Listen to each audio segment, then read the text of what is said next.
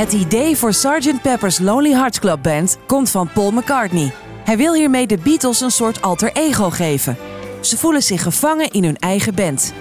Ze besluiten om te stoppen met toeren en als studiogroep verder te gaan. It was going to be boring to just make another Beatles album. And we'd stopped touring. We now have this huge liberated opportunity. We could do anything we wanted. Tijdens een vliegreis krijgt Paul McCartney een idee voor het volgende Beatles-album.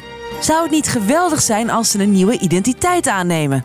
Hoe zou die band klinken? En hoe zouden zij hun liedjes schrijven? If there was a band, what would be a mad name for it? Sergeant Pepper's Lonely Hearts Club Band. John Lennon en George Harrison vinden het maar een vaag plan, maar besluiten gewoon mee te doen. Ze hebben zelf namelijk geen betere ideeën. To me, we were just in the studio to make the next record, and he was going on about this idea of, um, know, some fictitious band. De opnames van het titelnummer Sgt. Pepper's Lonely Hearts Club Band beginnen op 1 februari 1967 in de vertrouwde Abbey Road Studios in Londen. Het is de perfecte opener voor het album. En nadat dirigent Sgt. Pepper's een Lonely Hearts Club Band heeft voorgesteld, wordt Billy Shears aangekondigd. So let me introduce to you the one and only Billy Shears. Billy, oftewel Ringo Starr, barst daarna los in With a Little Help from My Friends. Lekker zorgeloos en vrolijk, perfect op maat voor hem geschreven door Lennon en McCartney. Oh,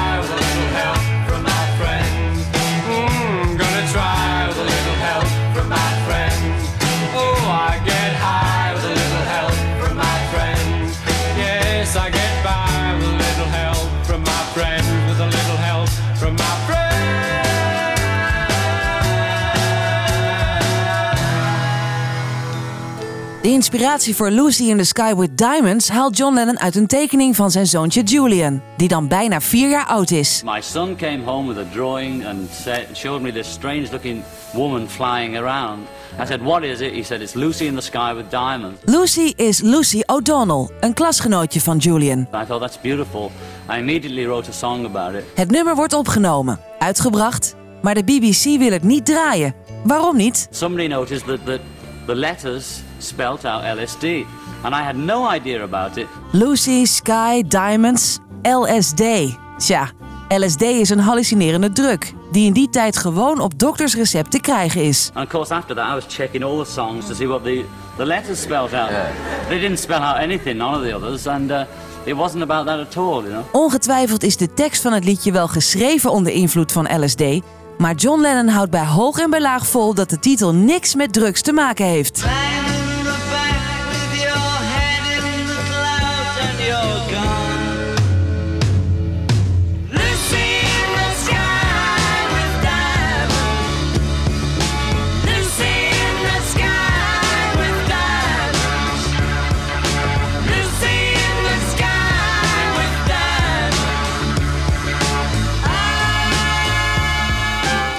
Na het psychedelische geweld van Lucy in the Sky with Diamonds is het tijd voor een lekker fris rocknummertje. Getting Better. It's getting better all the time. De inspiratie voor het nummer stamt uit juni 1964. Ringo Starr ligt met ontstoken amandelen in bed en kan niet mee op tournee. Zijn vervanger is Jimmy Nicol, een sessiemuzikant die ook achter het drumstel zit als de Beatles in Nederland zijn. Telkens wanneer Lennon en McCartney na een concert aan hem vragen hoe het gaat, antwoordt Jimmy: It's getting better. Dit zinnetje blijft in de jaren daarop een terugkerende grap bij de Beatles onderling. Paul McCartney vertelt hoe hij het nummer schreef met John Lennon. It's getting better all the time. You went, it couldn't get much worse. Paul McCartney als de eeuwige optimist met Het gaat steeds beter. A little better all the time. En John Lennon die er lekker sarcastisch achteraan zingt. Het kon ook niet slechter. It can't get no Yes. Zie hier het verschil tussen Lennon en McCartney.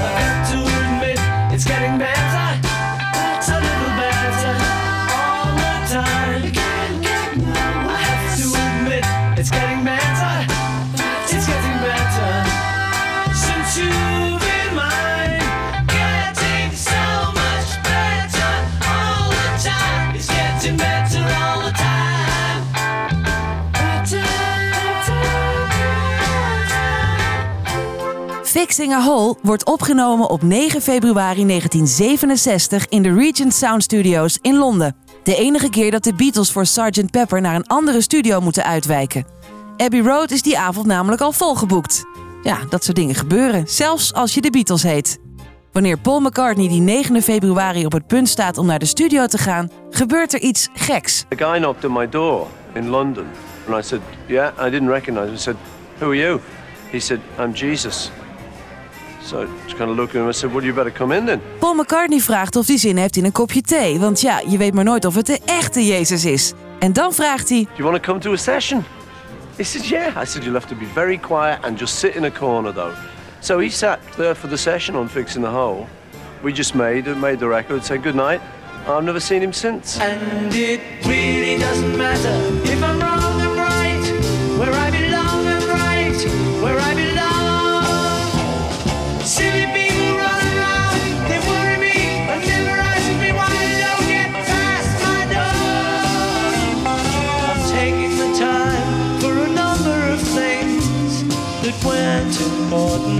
yesterday, and I still go. Het derde nummer op rij dat is geschreven door Paul McCartney. Een ballad dit keer. She's Leaving Home. Hij haalt zijn inspiratie uit de krant, waarin een verhaal staat over de 17-jarige Melanie Coe, die van huis is weggelopen. Wat Paul McCartney op dat moment niet beseft, is dat hij dit meisje vier jaar daarvoor heeft ontmoet. Melanie Coe doet in 1963 mee aan een playbackwedstrijd in een tv-programma. Paul McCartney is het enige jurylid en hij kiest haar ook nog eens als winnaar. Four. Who's it going to be? I think the winner, uh, as far as I'm concerned, number four. Number four, Melanie Coe. Het strijkersarrangement in She's Leaving Home is trouwens niet geschreven door vaste Beatles-producer George Martin, maar door ene Mike Leander. George Martin vertelt hoe dat gebeurde. I wasn't available because Paul wanted it done at the drop of a hat. And I was recording Cilla Black on the day he wanted to go through it. Paul McCartney wil dus niet wachten op George Martin en laat het arrangement dus door een ander schrijven. I minded like hell. En pijn doet het ook bij Melanie Coe, die er pas jaren later achterkomt dat She's Leaving Home over haar gaat. I just felt sad. I just, it's even now I, I find it very sad to listen to the song.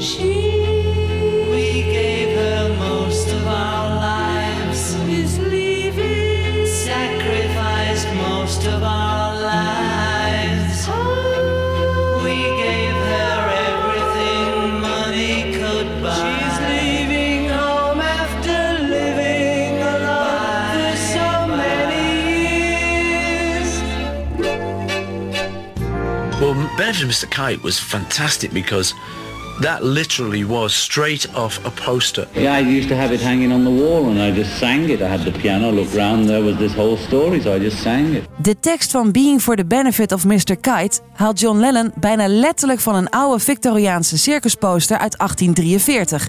Hij vertelt Beatles-producer George Martin dat de muziek datzelfde circusfeertje moet krijgen. I want to smell the sawdust. Ik wil het zaagsel kunnen ruiken, is de opdracht van Lennon. Hij heeft al vaker van die vage verzoeken aan George Martin. Zo vroeg hij hem ooit om een nummer te laten klinken als een sinaasappel. George Martin ziet er de uitdaging wel van in. En vindt in de archieven van platenmaatschappij EMI wat oude geluidsbanden van een stoomorgel. Maar dat klinkt nog iets te netjes voor een psychedelische Beatlesplaat. Wat George Martin daarna doet is bizar. Hij knipt de tape met het stoomorgel in stukjes, gooit die de lucht in en plakt ze in willekeurige volgorde weer aan elkaar vast. Et voilà, een psychedelisch stoomorgel is geboren. En John Lennon, die vindt het fantastisch. For the benefit of Mr. Kite, there will be a show tonight on trampoline. The Hendersons will all be there. Later, Pablo Bank is there. What a scene! Over men and horses, hoops and garters. Lastly, through a hogshead of real fire. In this way, Mr. K will challenge the world. Kant B van de LP begint met het enige nummer van George Harrison op Sgt. Pepper. Within You Without You was just my way of trying to make a Western pop song using some of those instruments and some of those sounds. George Harrison wil met Within You, Without You westerse en oosterse muziek met elkaar combineren. Een ambitieus project, ook voor producer George Martin. I found it very fascinating actually working with George on that in trying to get from English musicians what the Indians were already giving us. Hij vraagt Indiase muzikanten en een Engels orkest om mee te spelen. Letterlijk East meets West dus. Het resultaat is betoverend en het heeft ook nog eens een heel filosofische boodschap. You don't have to actually be with somebody to feel their presence. You know, I am a bit of him and he is a bit of me and they are a bit of us. You know, we're all really a mixture of each other. We zijn allemaal een mix van elkaar. Dat is precies de hippie-gedachte tijdens die beroemde Summer of Love. Toch vinden veel mensen dit in 1967 het saaiste nummer op het album. Maar Lennon en McCartney denken daar anders over. Oh yeah, he's done a great one. A great Indian one.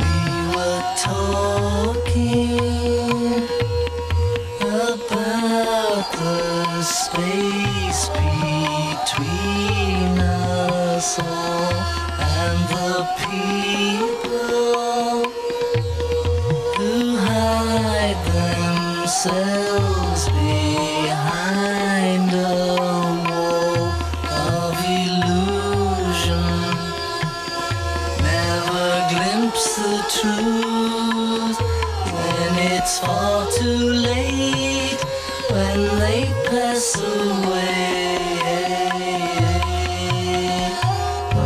Alleen een groep als de Beatles kan het oosters getinte Within You Without You laten volgen door een liedje dat klinkt als echte Engelse muziek uit de jaren 30. Paul McCartney schrijft de muziek van When I'm 64 al op zijn vijftiende. When I started songwriting, it wasn't to write rock and roll. It was to write for Sinatra. It was to write cabaret. In fact, one of my first songs was When I'm 64, which was da da da da body way. Hey, bop, you know, it's big band stuff kind of thing. De Beatles spelen dit dan nog instrumentale nummer in hun begintijd wel eens in de legendarische Cavern Club in Liverpool. Gewoon om de tijd op te vullen als de stroom is uitgevallen. Paul McCartney heeft later wel eens laten horen hoe dat geklonken moet hebben. Pas wanneer zijn vader 64 jaar wordt, krijgt Paul McCartney een idee voor de tekst bij de melodie. When I'm 64 is het eerste nummer dat wordt opgenomen voor het Sgt. Pepper album in december 1966. In diezelfde periode worden trouwens ook Strawberry Fields Forever en Penny Lane op band gezet. Die zijn oorspronkelijk bedoeld voor Sgt. Pepper, maar worden tussentijds als single uitgebracht. When I get older, losing my hair, many years from now, will you still be sending me a Valentine? Birthday greetings, bottle of wine. If I'd been out till quarter to three, would you lock the door? Will you still need me? Will you still feed me when I'm 64? Lovely Rita is een nummer van, daar heb je hem weer, Paul McCartney, die toch de grote motor van deze plaat is. Het is geïnspireerd op een ontmoeting die hij heeft met een parkeerwachtster, een metermaid, zoals ze in Amerika zeggen. Paul McCartney krijgt een boete van deze metermaid omdat hij geen geld in de parkeermeter heeft gegooid. Standing by a parking meter. When I caught a glimpse of Rita, filling in the ticket in a little white book. Hij vraagt de parkeerwachtster hoe ze heet. Mita Davis, zegt ze. En dan gaat het brein van een geniale songschrijver aan het werk. Mita rijmt op Rita en klinkt als het woord meter van metermeet. Het hele album staat vol met technische trucjes. Ook Lovely Rita. Deze pianosolo bijvoorbeeld is oorspronkelijk veel langzamer opgenomen. Sgt. Pepper's Lonely Hearts Club Band verlegt alle grenzen in de popmuziek. Het laat zien hoe je de studio als extra instrument kunt gebruiken, zoals ze dat zo mooi zeggen.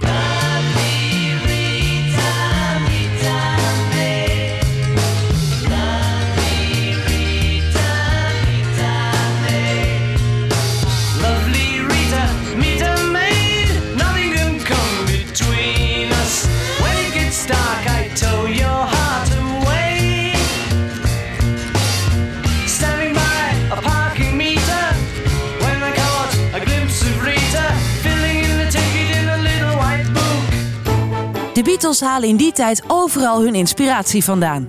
Voor het nummer Good Morning, Good Morning is dat... a Kellogg's commercial. Because I always had the TV on, on very low in the background when I was writing. In die tijd staat bij John Lennon thuis altijd de tv aan.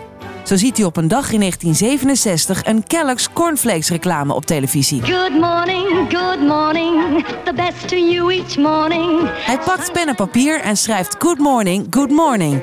En neemt meteen een demo op van zijn nieuwe nummer.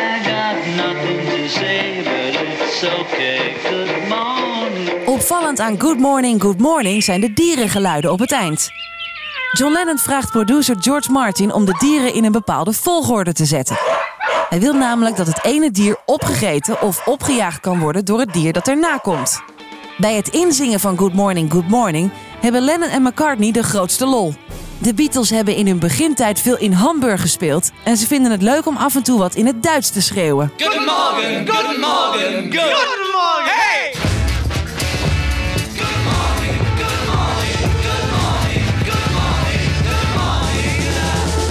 Nothing to do to save his life. Call his wife in. Nothing to say, but what a day. How's your boy been? Nothing to do, it's up to you. I've got nothing to say, but it's okay. Het laatste nummer dat wordt opgenomen voor Sgt. Pepper is de reprise van het titelnummer. De plaat is dan eigenlijk al klaar, maar er mist nog wat. Het is roadie Neil Espinal die de oplossing bedenkt. I said to, to Paul, why doesn't Sergeant Pepper come on at the end of the album and say, you know, well, that's it, we've got to go, you know, here's our last number. Sgt. Pepper komt nog één keer voorbij en speelt daarna met zijn Lonely Hearts Club Band een toegift. Iedereen vindt het een geweldig plan. En Paul McCartney schrijft speciaal hiervoor de Sgt. Pepper Reprise. De Beatles zijn ook geïnspireerd door Elvis Presley, die zijn gouden Cadillac op tournee stuurt in plaats van zichzelf. And we just thought that was like the greatest idea going because we'd been touring and sending ourselves out.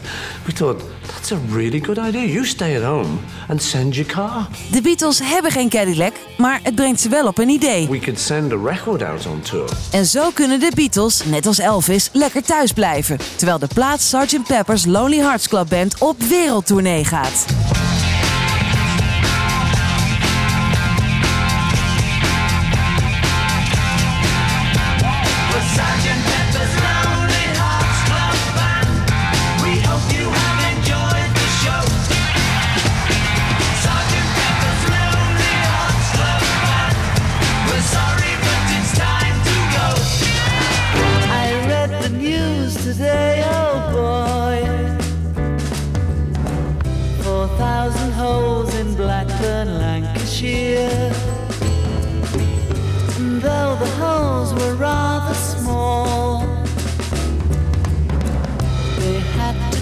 Now they know how many holes it takes to fill the Albert.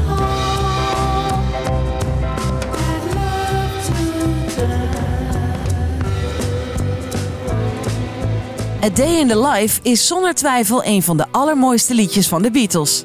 Het grootste deel is geschreven door John Lennon. Hij leest in de krant van 17 januari 1967 twee berichten. One was the Guinness child had killed himself in a car.